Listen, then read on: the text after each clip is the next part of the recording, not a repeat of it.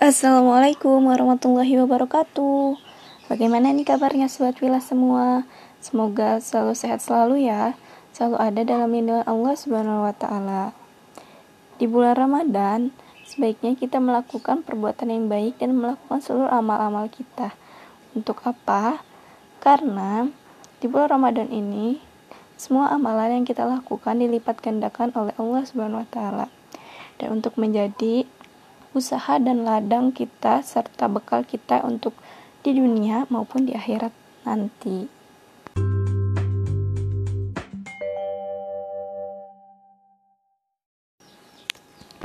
Dan terutama adalah sholat taraweh.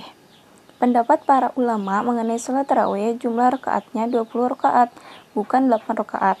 Berdasarkan dalil dan kaidah di atas, para ulama dalam mahhab Syafi'i mengistiban disebutkan bilangan rakaatnya seperti berikut. Disebutkan di dalam Muhtahsyar Al-Muzani, sesungguhnya Imam Syafi'i berkata, Aku telah melihat mereka di Madinah, mendirikan sholat tarawih dengan 39 rakaat, dan aku menyukai 20 rakaat, karena telah diriwayatkan dari Umar. Dan begitu juga di Mekah, mereka mendirikan 20 rakaat dan mengerjakan witir dengan 3 rakaat. Imam Nawawi juga menyebutkan di dalam Al-Majmu, majhab kami ialah sesungguhnya ia 20 rakaat dengan 10 salam selain witir. Jadi ada 5 rehat dan setiap sekali rehat ada 4 rakaat dengan 2 salam. Dan mengikuti juga pendapat inilah yaitu 20 rakaat oleh Abu Hanifah dan rekan-rekannya.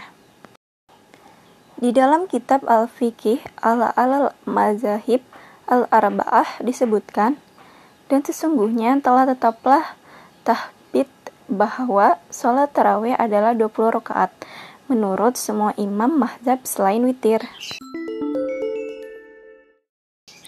Nah, jadi sholat tarawih adalah 20 rakaat dengan 10 salam secara wajib.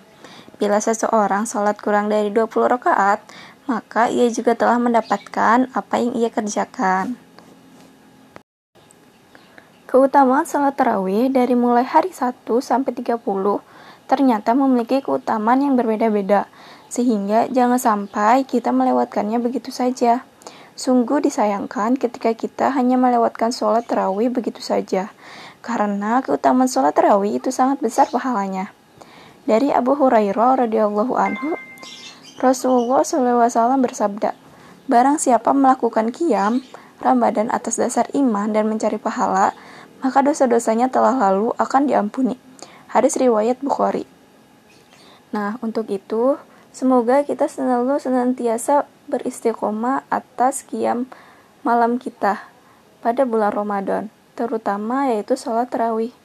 Sekian yang aku sampaikan, semoga dapat bermanfaat untuk sobat semua ya.